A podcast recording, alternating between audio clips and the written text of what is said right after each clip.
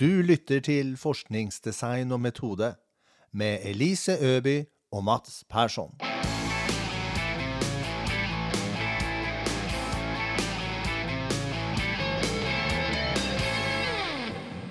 Velkommen til en ny episode av Forskningsdesign og metode. Sist gang snakket vi om eh, hva et forskningsdesign er. I dag skal vi gå videre og bli litt mer konkrete på en av eh, de første delene som man møter i eh, arbeidet med et forskningsdesign. Og det er hvordan vi utvikler et forskningsspørsmål. Og det vi skal snakke om da, er hva er et forskningsspørsmål? Eh, hvordan kan vi avgrense oss fra et overordnet tema til et forskningsspørsmål? Og eh, andre ting som er knyttet til eh, dette. Og før vi begynner med dagens episode, så vil vi gjerne minne om at hvordan tema, problemstilling og forskningsspørsmål blir brukt i litteraturen om eh, metode, varierer. Det er eh, noen ganger litt lett å bli forvirra av eh, begrepsbruken. Noen mener at et forskningsspørsmål er et spørsmål, og det er de fleste enig i. Noen mener at en problemstilling skal formuleres som et spørsmål, mens andre mener at problemstilling det trenger ikke å formuleres som et spørsmål. Og veldig ofte så brukes problemstilling og forskningsspørsmål om hverandre. Når vi snakker om dette i dag, så bruker vi bare forskningsspørsmål. Men Elise, hvor er det vi starter? Du starter jo gjerne med en idé. Noe du er nysgjerrig på, noe du lurer på, og som du har lyst til å finne ut av. Og den ideen er jo gjerne ganske stor og upresis, og veldig vanskelig å vite hvordan man skal gå fram for å finne ut av en eller annen stor og upresis idé. Så vi starter gjerne med den ideen, tenker gjennom den. Og så er det jo gjerne den prosessen da, med å gå til litteraturen, finne ut av hva andre har skrevet om lignende temaer, hvordan de har gjort det, hva de har funnet, osv. Da vil du jo justere din eh, opprinnelige idé basert på det litteraturen har fortalt deg. Det er det vi kaller litteraturgjennomgang, som vi skal snakke veldig mye om i en senere episode. Ja. Hvor, hvor kommer ideen ifra? Den kan komme fra dagliglivet ditt. Ting du observerer i samfunnet rundt deg som du blir nysgjerrig på og vil vite mer om. Det kan eksempel være mange nå har hatt mye hjemmekontor. Mange sitter fortsatt mye på hjemmekontor, og kanskje du begynner å lure på hvordan fungerer ledelse via skjerm, eller ledelse på avstand, eller du driver og utdanner deg til å bli lærer og er veldig interessert i hvordan elever med lese- og skrivevansker får tilpassa opplæring, hvordan den kan se ut, og hvorfor akkurat sånn. Eller du kan ha hørt om i nyheter, eksempel, at det er høyt sykefravær i visse yrkesgrupper, og lurer på hvorfor er det sånn. Det kan være politiske saker som opptar deg. Det kan være faglitteratur du har lest. Eksempel hvis du er, er i et utdanningsløp, og du tar et eller annet emne, og du lærer om en eller annen teori, og du blir nysgjerrig på hvordan denne teorien, hvor den kom fra.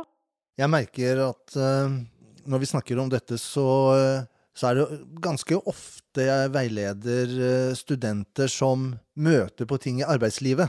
Altså nå er jo organisasjon og ledelse mitt fagområde, og studentene skal da skrive bacheloroppgaver eller masteroppgaver innenfor dette feltet.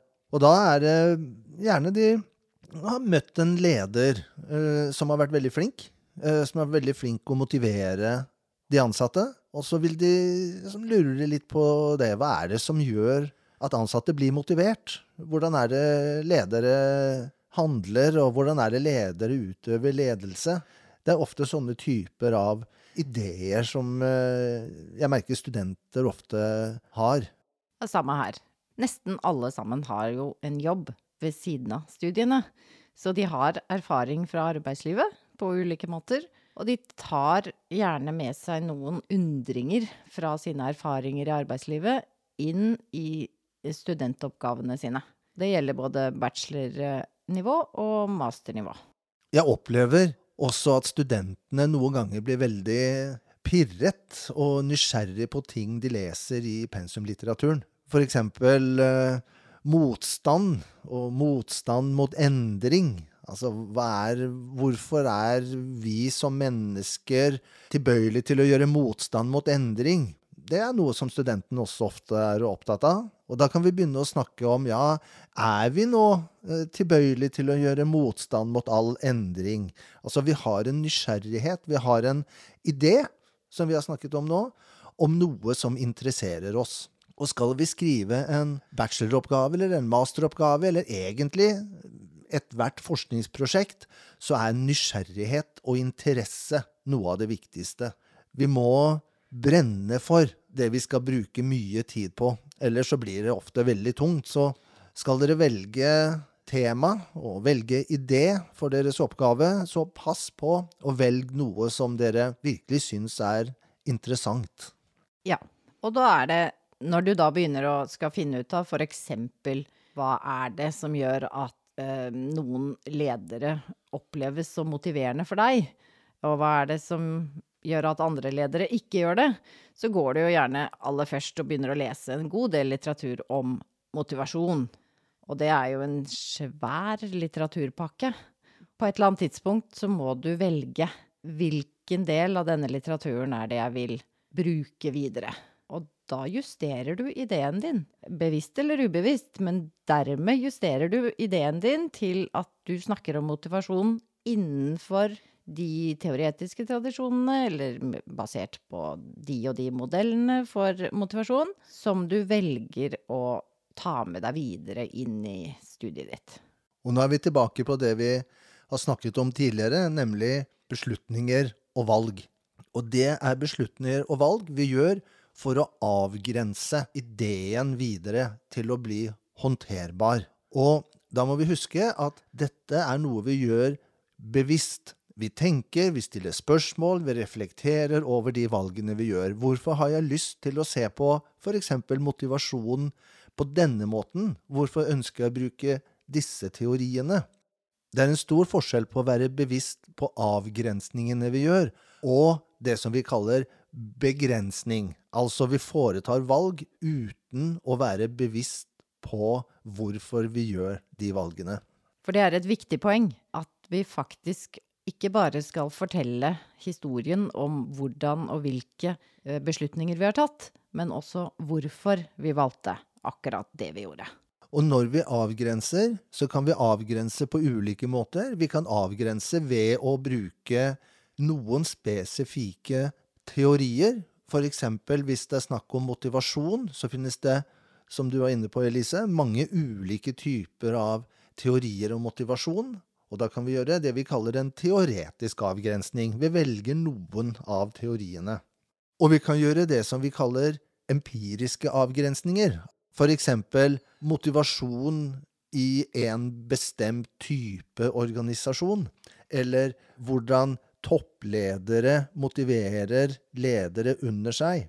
Eller hvordan førstelinjeledere motiverer ansatte.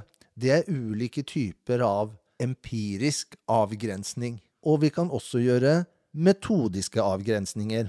Skal vi ikke snakke om i det hele tatt i dag, men vi kommer til å snakke om det senere, når vi skal snakke om metodologi og metode. Det som er viktig å huske i dag, det er at vi må avgrense fra idé og tema til et forskbart forskningsspørsmål. Ja, og det betyr, slik vi kommer til å snakke om det i dag, at det er veldefinert, avgrenset og gjennomførbart å finne svar på. Kan du si litt mer om det? Vi kan jo kanskje begynne med veldefinert, da. Ja. Da tror jeg vel det er enklest for våre lyttere at vi tar det med et eksempel, Mats. Ja. La oss si nå, nå akkurat nå har jeg eh, kontakt med en god del studenter som lurer på hvordan kunstig intelligens vil påvirke norsk arbeidsliv i tiden som kommer. Og det kan jo godt hende at de studentene selv vet veldig godt hva de mener med kunstig intelligens, når de går rundt med sin undring og skal i gang med sine studentprosjekter, eh, både bachelornivå og masternivå. Men du må huske på at det er jo ikke andre klarer ikke å lese tankene dine om hvordan du forstår ulike begreper. Så for at det her skal bli veldefinert, så må du faktisk definere nøyaktig hva du mener med kunstig intelligens. Og du må også definere hva du mener med arbeidslivet. Er det alle typer lønna arbeid i alle deler av verden? Eller snakker vi kun i Norge? Eller er det bare de som jobber innafor utdanningssektoren, eller innenfor helsevesenet, eller er det i privat næringsliv du ønsker å fokusere på? Og når vi snakker om kunstig intelligens, er det f.eks. bare ChatGPT? Er det egentlig hvordan ChatGPT påvirker organisasjoner og arbeidsgivere og arbeidssteder i Norge nå? Eller er det hvordan ChatGPT f.eks. påvirker det å være student? Hvordan det har blitt et verktøy som har på ganske kort tid feid inn i norsk, norske utdanningssektoren? Eller kanskje er du mer opptatt av f.eks. markedsføringsbransjen og lurer på hvordan kombinert bruk av AI-verktøy som handler om både tekstgenerering og bildegenerering, hvordan det vil påvirke det å jobbe i markedsføringsbransjen. Så det er mange begreper her som må defineres for at undringen din skal være presis og forståelig for den du skal kommunisere undringen din til. Og med definere så mener vi altså beskrive hva vi mener med begrepet. Ja, da må du lese deg opp på hva ChatGPT er. Da må du faktisk gå inn i det og finne ut av hva er ChatGPT, hva er det ikke, hvordan fungerer det. Det betyr ikke at du må lære deg maskinlæring, men du må lære deg nok til at du er i stand til å sette ord på og forklare nøyaktig hva du mener med den AI-en du velger å undersøke. Og dette høres noen ganger litt sånn, skal vi si, det høres nesten litt tullete ut. Som, hvor vanskelig kan det være? Vi vet vel hva vi snakker om. Men veldig ofte så er det som tilsynelatende virker selvsagt og naturlig og enkelt, egentlig mye mer komplisert og vanskelig og uoversiktlig når vi begynner å studere det nærmere. For eksempel så kan vi ta et begrep som arbeidsledig. Hva betyr det å være arbeidsledig? Er det alle som vil jobbe, som ikke får jobb, eller? Eller er det de som Hvis du er på arbeidsavklaringspenger, er du da arbeidsledig? Eller hva med de som kan jobbe, men ikke vil? Er de arbeidsledige? De som er frivillig hjemmeværende? Og dette har det vært diskusjoner om også i media, fordi Norge presenterte noen tall for noen år siden hvor arbeidsledigheten var veldig lav, 2,8 eller et eller annet. Og så sammenlignet man Norge med andre land som da hadde en mye høyere arbeidsledighet. Men så viste det seg at i Nav så registrerte man arbeidsledighet på en måte som gjorde at den fremsto som lavere enn den det ville vært hvis man hadde brukt den samme typen av definisjon på begrepet arbeidsledig som man gjør i en del andre land. Og dette får konsekvenser for hvordan vi ser på f.eks. arbeidsledighet. Hvis det er en veldig lav arbeidsledighet, så har vi en tendens til å si dette er da fint. Og hvis arbeidsledigheten er høy, så må vi begynne å tenke på hva kan vi gjøre for å få den ned. Så hvordan vi definerer begreper, hvordan vi bruker begreper, hvordan vi forstår begreper, er veldig viktig. Og alle begreper som vi bruker i et godt avgrenset forskningsspørsmål, må defineres. Men da er vi litt over på avgrensning. Det er vi. Og Eh, hvis du sitter der med en undring, og du er opptatt av f.eks. det vi nevnte i stad, og at du er opptatt av hvordan ledelse via skjerm eller ledelse på avstand fungerer, så er det veldig, veldig stort og veldig lite avgrensa. Så da må du jo begynne å stille deg spørsmål om eh, hvem er det vi snakker om at skal ledes? Er det andre ledere som skal ledes? Er det medarbeidere uten eget lederansvar, f.eks.? Og snakker vi om hele arbeidslivet, eller snakker vi bare om visse, visse sektorer? Snakker vi bare om helsevesenet? Uh, hvis vi er interessert i ledelse via skjerm i helsevesenet, hvilken del av helsevesenet?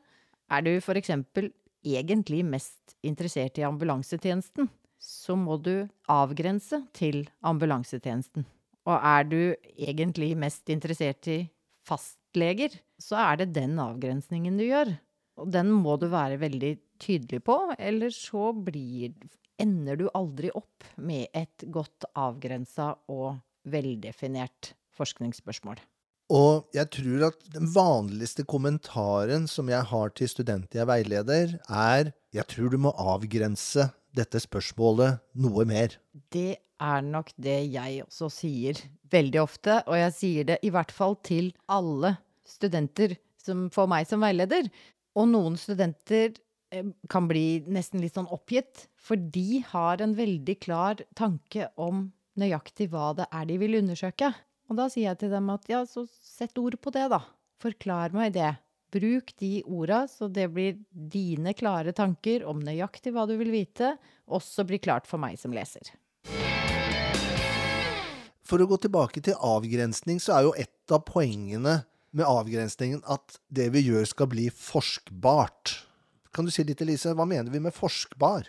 Det er jo sånn at noen spørsmål så finnes det faktisk ingen troverdige svar på. Vi ønsker å oppnå svar som andre anser som troverdige, og som de anser dermed som kunnskap, til forskjell fra synsing. Det er ikke alle spørsmål det går an å finne troverdige svar på.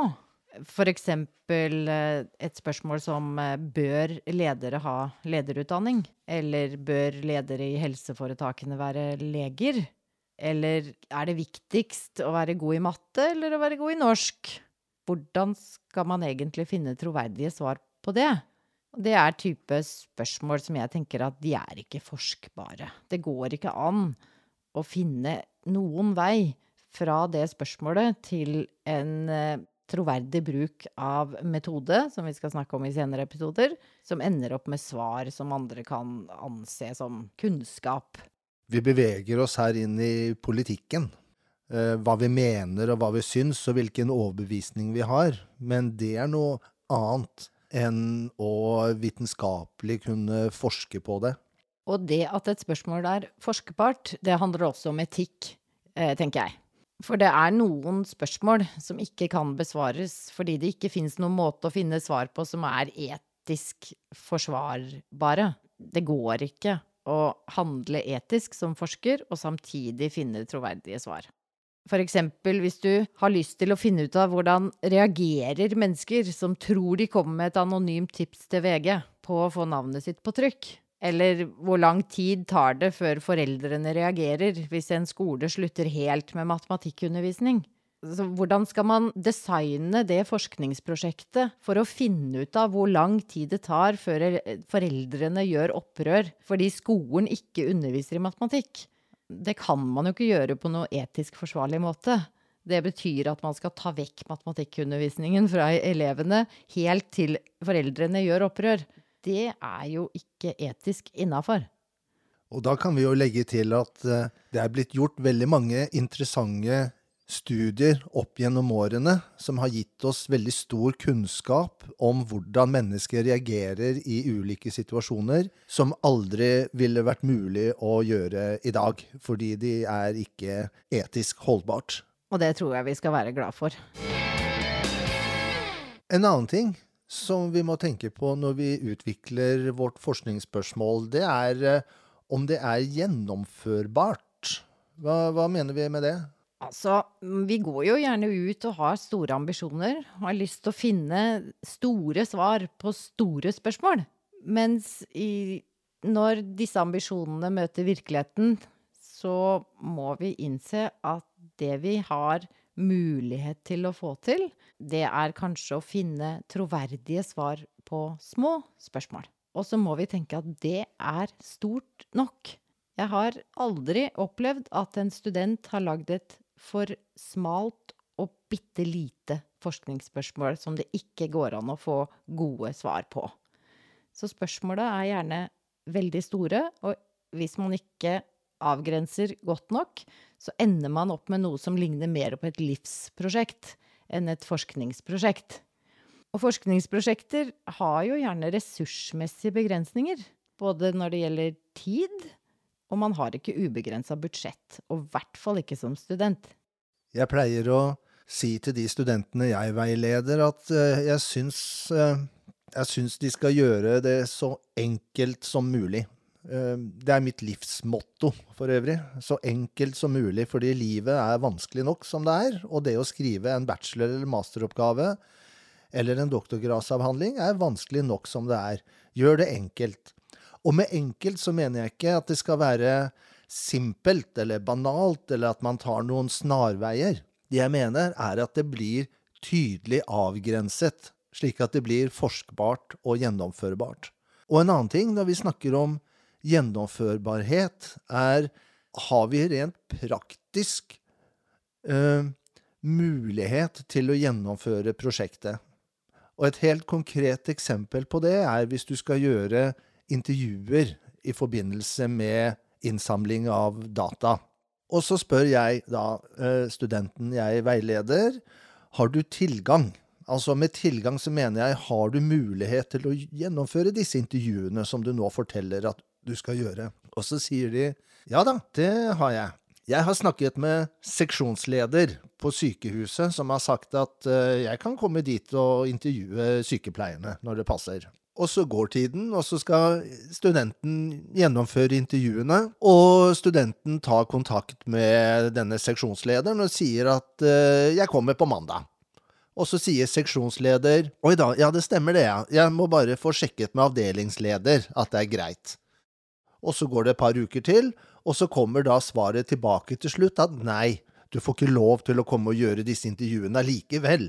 Og da har denne studenten havnet i en veldig vanskelig situasjon. Og dette jeg forteller nå, er ikke et tenkt eksempel. Dette har jeg opplevd. Og da, må denne, da måtte jo da denne studenten gjøre et helt annet type av prosjekt, fordi at der hvor vedkommende trodde at det var gitt tilgang, så var det ikke det allikevel. Så det å sørge for tilgang. Det å, hvis du skal ha spørreskjemaer, eller hvis du skal hente eksisterende datasett og alt hva dette her, skal vi snakke mye mer om i uh, episoden om metode. Men det som er viktig å huske her, det er at gjennomførbarhet handler også om å ha tilgang til å samle inn de data som trengs for å gjennomføre prosjektet. Ja, og et annet eksempel eh, som jeg har vært borti i veiledningssituasjoner, det var en student som hadde, et, eh, hadde en veldig morsom idé, hadde god forståelse, og alt var egentlig helt på stell. Det var bare det at designet han la opp til, at han måtte samle data ved to anledninger med en periode imellom. Og det funker ikke så bra når du har ett år på deg til å jobbe med en masteroppgave. Noen har et halvt år på seg til å jobbe med en masteroppgave. Hvis du legger opp til et design som krever at du skal samle data én gang per år i tre år, så blir det prosjektet ikke gjennomførbart for den studenten. Det kunne vært gjennomførbart for noen andre, men det går ikke med de ressursene som den studenten har tilgjengelig. Andre eksempler er antall intervjuer du gjør. For hvis du gjør intervjuet, så er det vanlig å ta det opp. Og så skal man skrive ned, man lytter til det som blir sagt, og så skriver man det ned i tekst. Det som kalles transkribering. Og det tar veldig lang tid. Altså, dette er helt konkrete, praktiske ting som man må tenke på når man lager forskningsspørsmålet, og kobler forskningsspørsmålet til resten av designet. Nå, nå har vi snakket mye om forskningsspørsmål. Må det formuleres som et spørsmål, eller kan det også være hypoteser? Det er det jo heller ikke enighet om. Noen mener jo at hypoteser er ikke forskningsspørsmål, men det er en hypotese som hører til et forskningsspørsmål. Men hvis vi ikke går inn i den diskusjonen, så Og jeg snakker sånn som jeg tenker, og sånn som jeg oppfatter dette, og så tenker jeg at et forskningsspørsmål er enten et spørsmål, men det kan også være en hypotese. Og det handler egentlig om hvordan du velger å forholde deg til det andre har skrevet om nærliggende temaer. Hvordan du forholder deg til det du ender opp med å ta med deg videre fra litteratur som andre har skrevet. Én måte å forholde seg til det andre har gjort, det er å bygge videre på det som er kjent fra før. Vi tar utgangspunkt i at dette er så langt vi har kommet i kunnskapsbyggingen om det vi er interessert i, og så går vi videre derifra. Eller en annen måte er å Om du ønsker å nesten kopiere en undersøkelse som er gjort tidligere, men du bytter kontekst. Det kan være en undersøkelse om motivasjon som er gjort i helsevesenet, og så ønsker du å se om du får tilsvarende resultater hvis du bytter kontekst til eh, skole. Eller kanskje du skal gå fram og lete etter svar på en helt annen måte enn andre har gjort før deg. Hvis du finner masse kvantitative studier om et eller annet tema, og så ønsker du å gå inn på en helt annen måte og kanskje gjøre en kvalitativ studie. Eller ønsker du f.eks. å tette kunnskapshull. Når du leser andres litteratur, du leser forskningsartikler om temaer som ligner på det du ønsker å skrive om, så er det gjerne noen som definerer på slutten forslag til videre forskning. Dette vet vi fortsatt ikke. Dette trenger vi mer kunnskap om. Skal du ta tak i et sånt forslag? Eller skal du ta utgangspunkt i en antagelse om noe? Hvis du skal ta utgangspunkt i en antagelse og teste om antagelsen din støttes av informasjonen du kan finne, må du formulere forskningsspørsmålet ditt som en hypotese. En hypotese er en testbar påstand om hvordan noe fungerer i verden. Det kan være en påstand om sammenhenger. Det kan være en påstand om hva som fører til hva. Men det er uansett en testbar påstand om hvordan noe fungerer. For eksempel så er en testbar påstand at denne podkasten her vil eh, få veldig positiv tilbakemelding fra alle som lytter.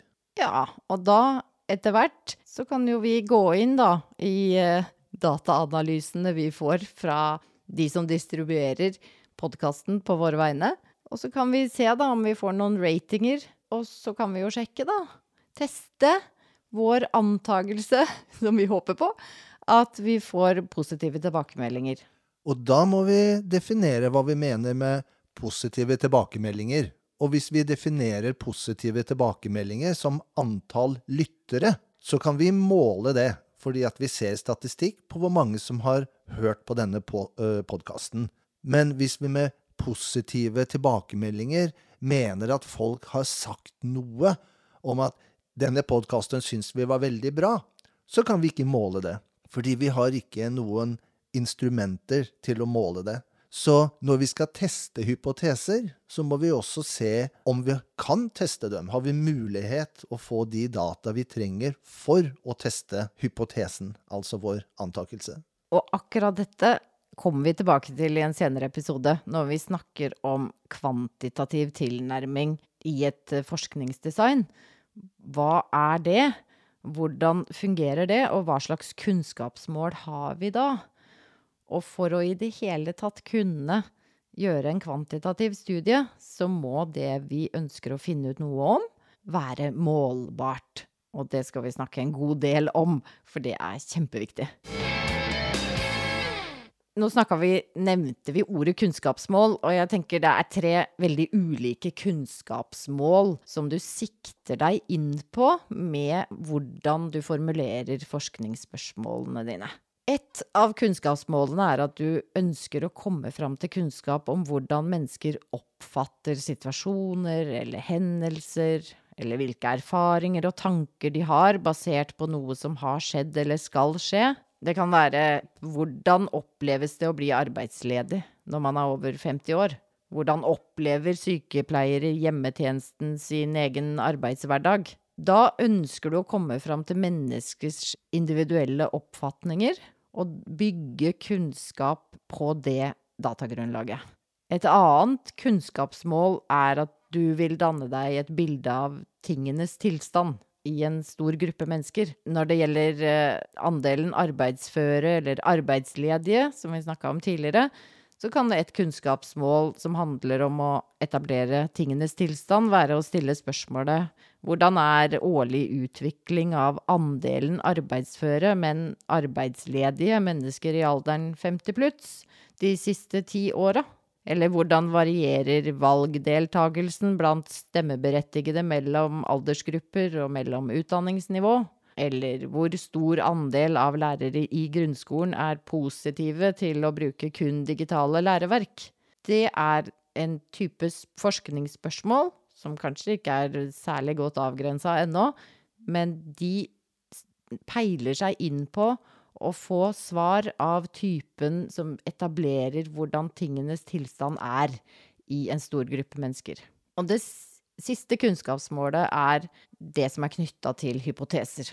Der du tar utgangspunkt i en teori eller en antakelse om hvordan noe fungerer, og målet ditt er å sjekke om du kan samle informasjon der ute i virkeligheten som støtter den antakelsen.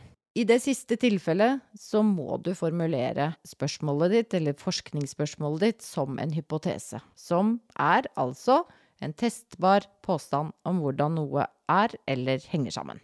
Det betyr altså at når vi lager forskningsspørsmålet, så må vi hele tiden reflektere over hva er det vi egentlig er interessert i å finne ut av? Hva er vårt kunnskapsmål? Så nå har vi gått igjennom Vi har sagt at et forskningsspørsmål må være godt avgrenset. Alle begrepene som brukes, må være definert og satt ord på, sånn at alle vet nøyaktig hva det er vi snakker om. At alle som leser dette, og du som jobber med dette, snakker om det samme. Vi har snakka om gjennomførbarhet, og vi har snakka om forskbare spørsmål og ikke-forskbare spørsmål. Og vi har snakka ganske mye nå om at mye av den hjelpen på veien når du driver og stiller deg sjøl spørsmål som handler om hvorfor skal jeg gjøre dette, hvordan tenker jeg om dette temaet, så går man til litteraturen, man reflekterer over det man finner. Og det betyr at litteratur har en ganske viktig rolle i et forskningsdesign, og det du blir aldri ferdig med litteraturen. Du kommer til å jobbe med litteratur i ulike stadier og i ulike typer beslutninger, men mye litteraturjobbing blir det når du utvikler forskningsspørsmåla dine. Vi skal snakke mer om litteraturgjennomgang i neste episode.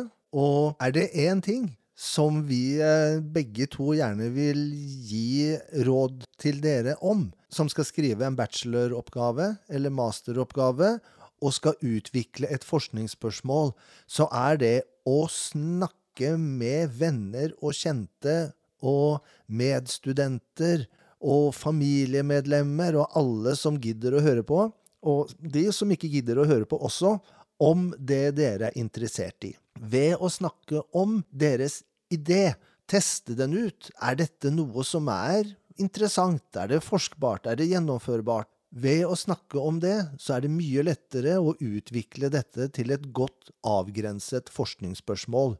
Så tenk på det, eh, reflekter over det, og snakk med folk rundt dere om det. Og når du får spørsmålet 'Hvorfor er du så interessert i dette', da? Så er det kanskje et veldig vanskelig spørsmål å få. Men det spørsmålet skal du prøve, i hvert fall, og bli glad for å få det. For det er så viktig at du opparbeider deg en forståelse sjøl for hvorfor du er interessert i det du gjør. Hvorfor tar du beslutningene akkurat sånn du gjør, knytta til litteratur og avgrensninger og definisjoner av begreper. Så hvis ingen spør deg hvorfor, så spør i hvert fall deg selv hvorfor tenker jeg som jeg gjør om akkurat dette. Og med det så sier vi takk for uh, i dag, og uh, vi høres igjen neste gang. Takk for i dag.